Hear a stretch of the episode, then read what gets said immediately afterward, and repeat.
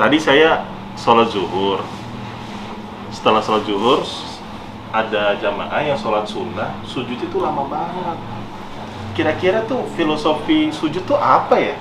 Itu mungkin orang ngantuk kali Mas Dimas. Kok Lagi siang-siang ngantuk dia sujudnya lama. Atau mungkin lagi pusing dia. Hmm, Jadi nunggu sujud lama tuh biar pusingnya hilang atau ngantuknya hilang Mas Dimas. Tapi Kalau- mungkin bisa juga itu ada orang yang sujud lama mungkin lagi doa. Oh, Iya. Terus hikmahnya sujud itu apa sebenarnya dari gerakan sujud apa ya? Saya juga belum tahu Mas Dimas. hmm, Kita tanya aja ke guru kita ya. iya.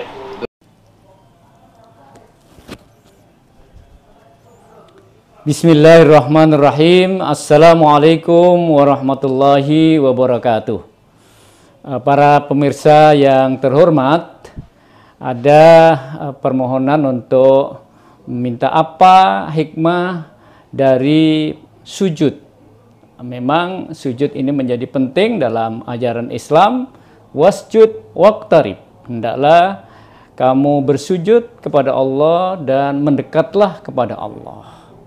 Kenapa? Karena sujud adalah bentuk ketundukan yang serendah-rendahnya kepada Allah Subhanahu wa taala. Yang diisyaratkan, yang disimbolkan dalam bentuk apa? Dalam bentuk meletakkan wajah kita ke tanah, ke eh, apa? tempat di mana kaki menginjak. Padahal kepala itu adalah posisi yang paling tinggi dalam tubuh organ tubuh manusia tapi diletakkan di tempat yang terendah yaitu bumi yaitu tanah untuk mengisyaratkan eh, seseorang pada saat-saat tertentu supaya merendahkan serendah-rendahnya dirinya, badannya, bahkan kepalanya. Apa maknanya? Maknanya adalah kepada Allah Subhanahu wa taala bahkan kepada manusia dan kepada makhluk-makhluk yang lain kita dilarang untuk menyombongkan diri, membusungkan dada, angkuh ya, untuk kemudian merasa sombong, merasa mampu, merasa paling kaya, merasa paling pandai, merasa paling hebat. Tidak. Apalagi kepada Allah Subhanahu wa taala, zat yang maha besar, Allahu akbar. Zat maha yang maha agung, Allahu a'dam. Allah segala-galanya yang maha kaya, Al-Ghaniyu, yang maha mengetahui, Al-Alimu, yang maha berilmu, Al-Alimu, yang maha luas, Al-Wasi' dan lain sebagainya sifat-sifat Allah. Maka manusia dianjurkan, diharuskan, diwajibkan untuk tunduk patuh dalam kepada Allah. Nah, dalam bahasa Arab disebut dengan sujud, sujud. Bahkan tempat di mana kita menundukkan diri kepada Allah namanya masjid. Dari kata-kata akar kata yang sama dari sajadah itu sujud.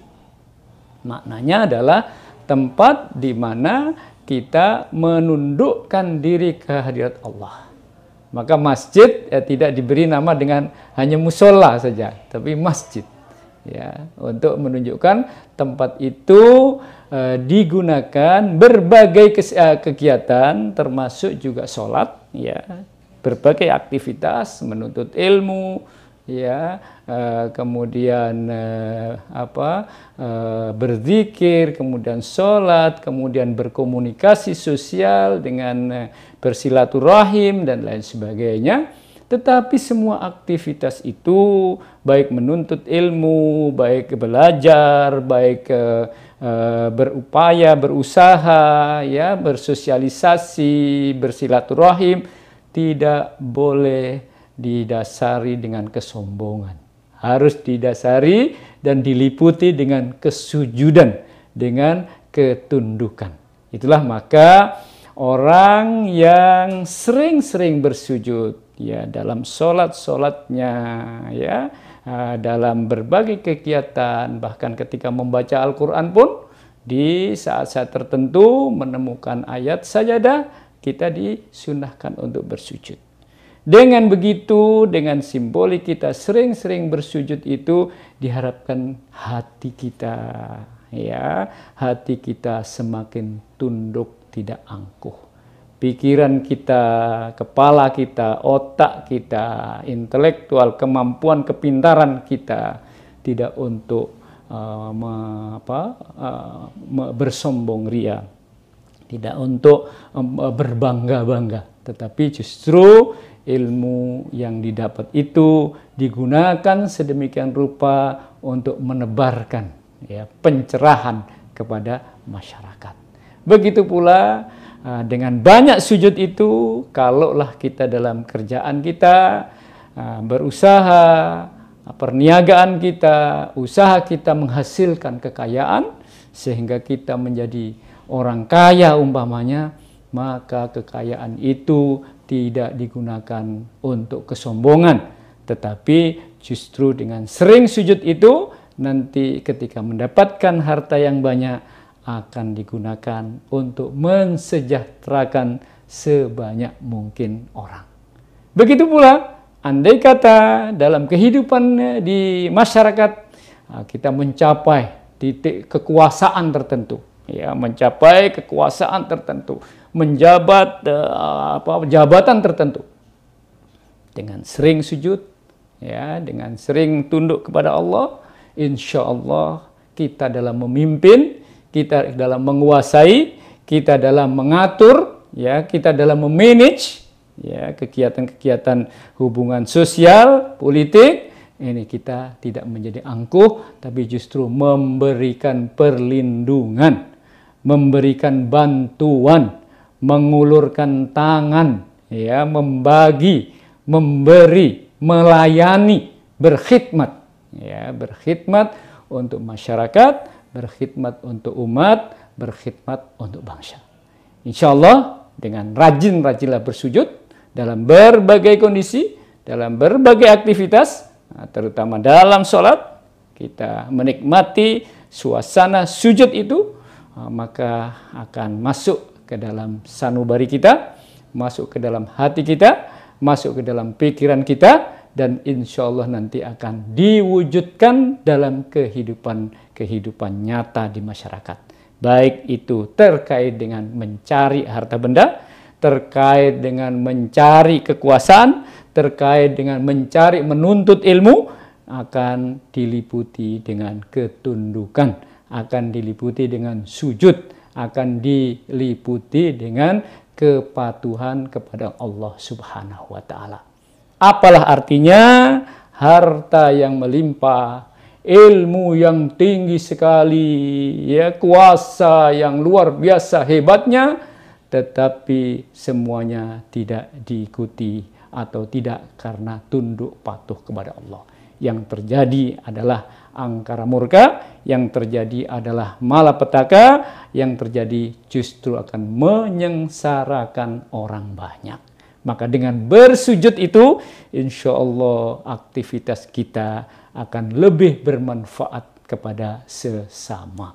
Kita dicintai oleh Allah dan juga dicintai oleh manusia, bahkan dicintai oleh makhluk-makhluk yang lain. Karena apa? karena kita merendah. Wahfid janahaka lil mu'minin. Rendahkanlah dirimu, tundukkanlah dirimu kepada orang-orang mukmin. Ya, ini Rasulullah disuruh merendah kepada orang muslim mukmin padahal Rasulullah ini.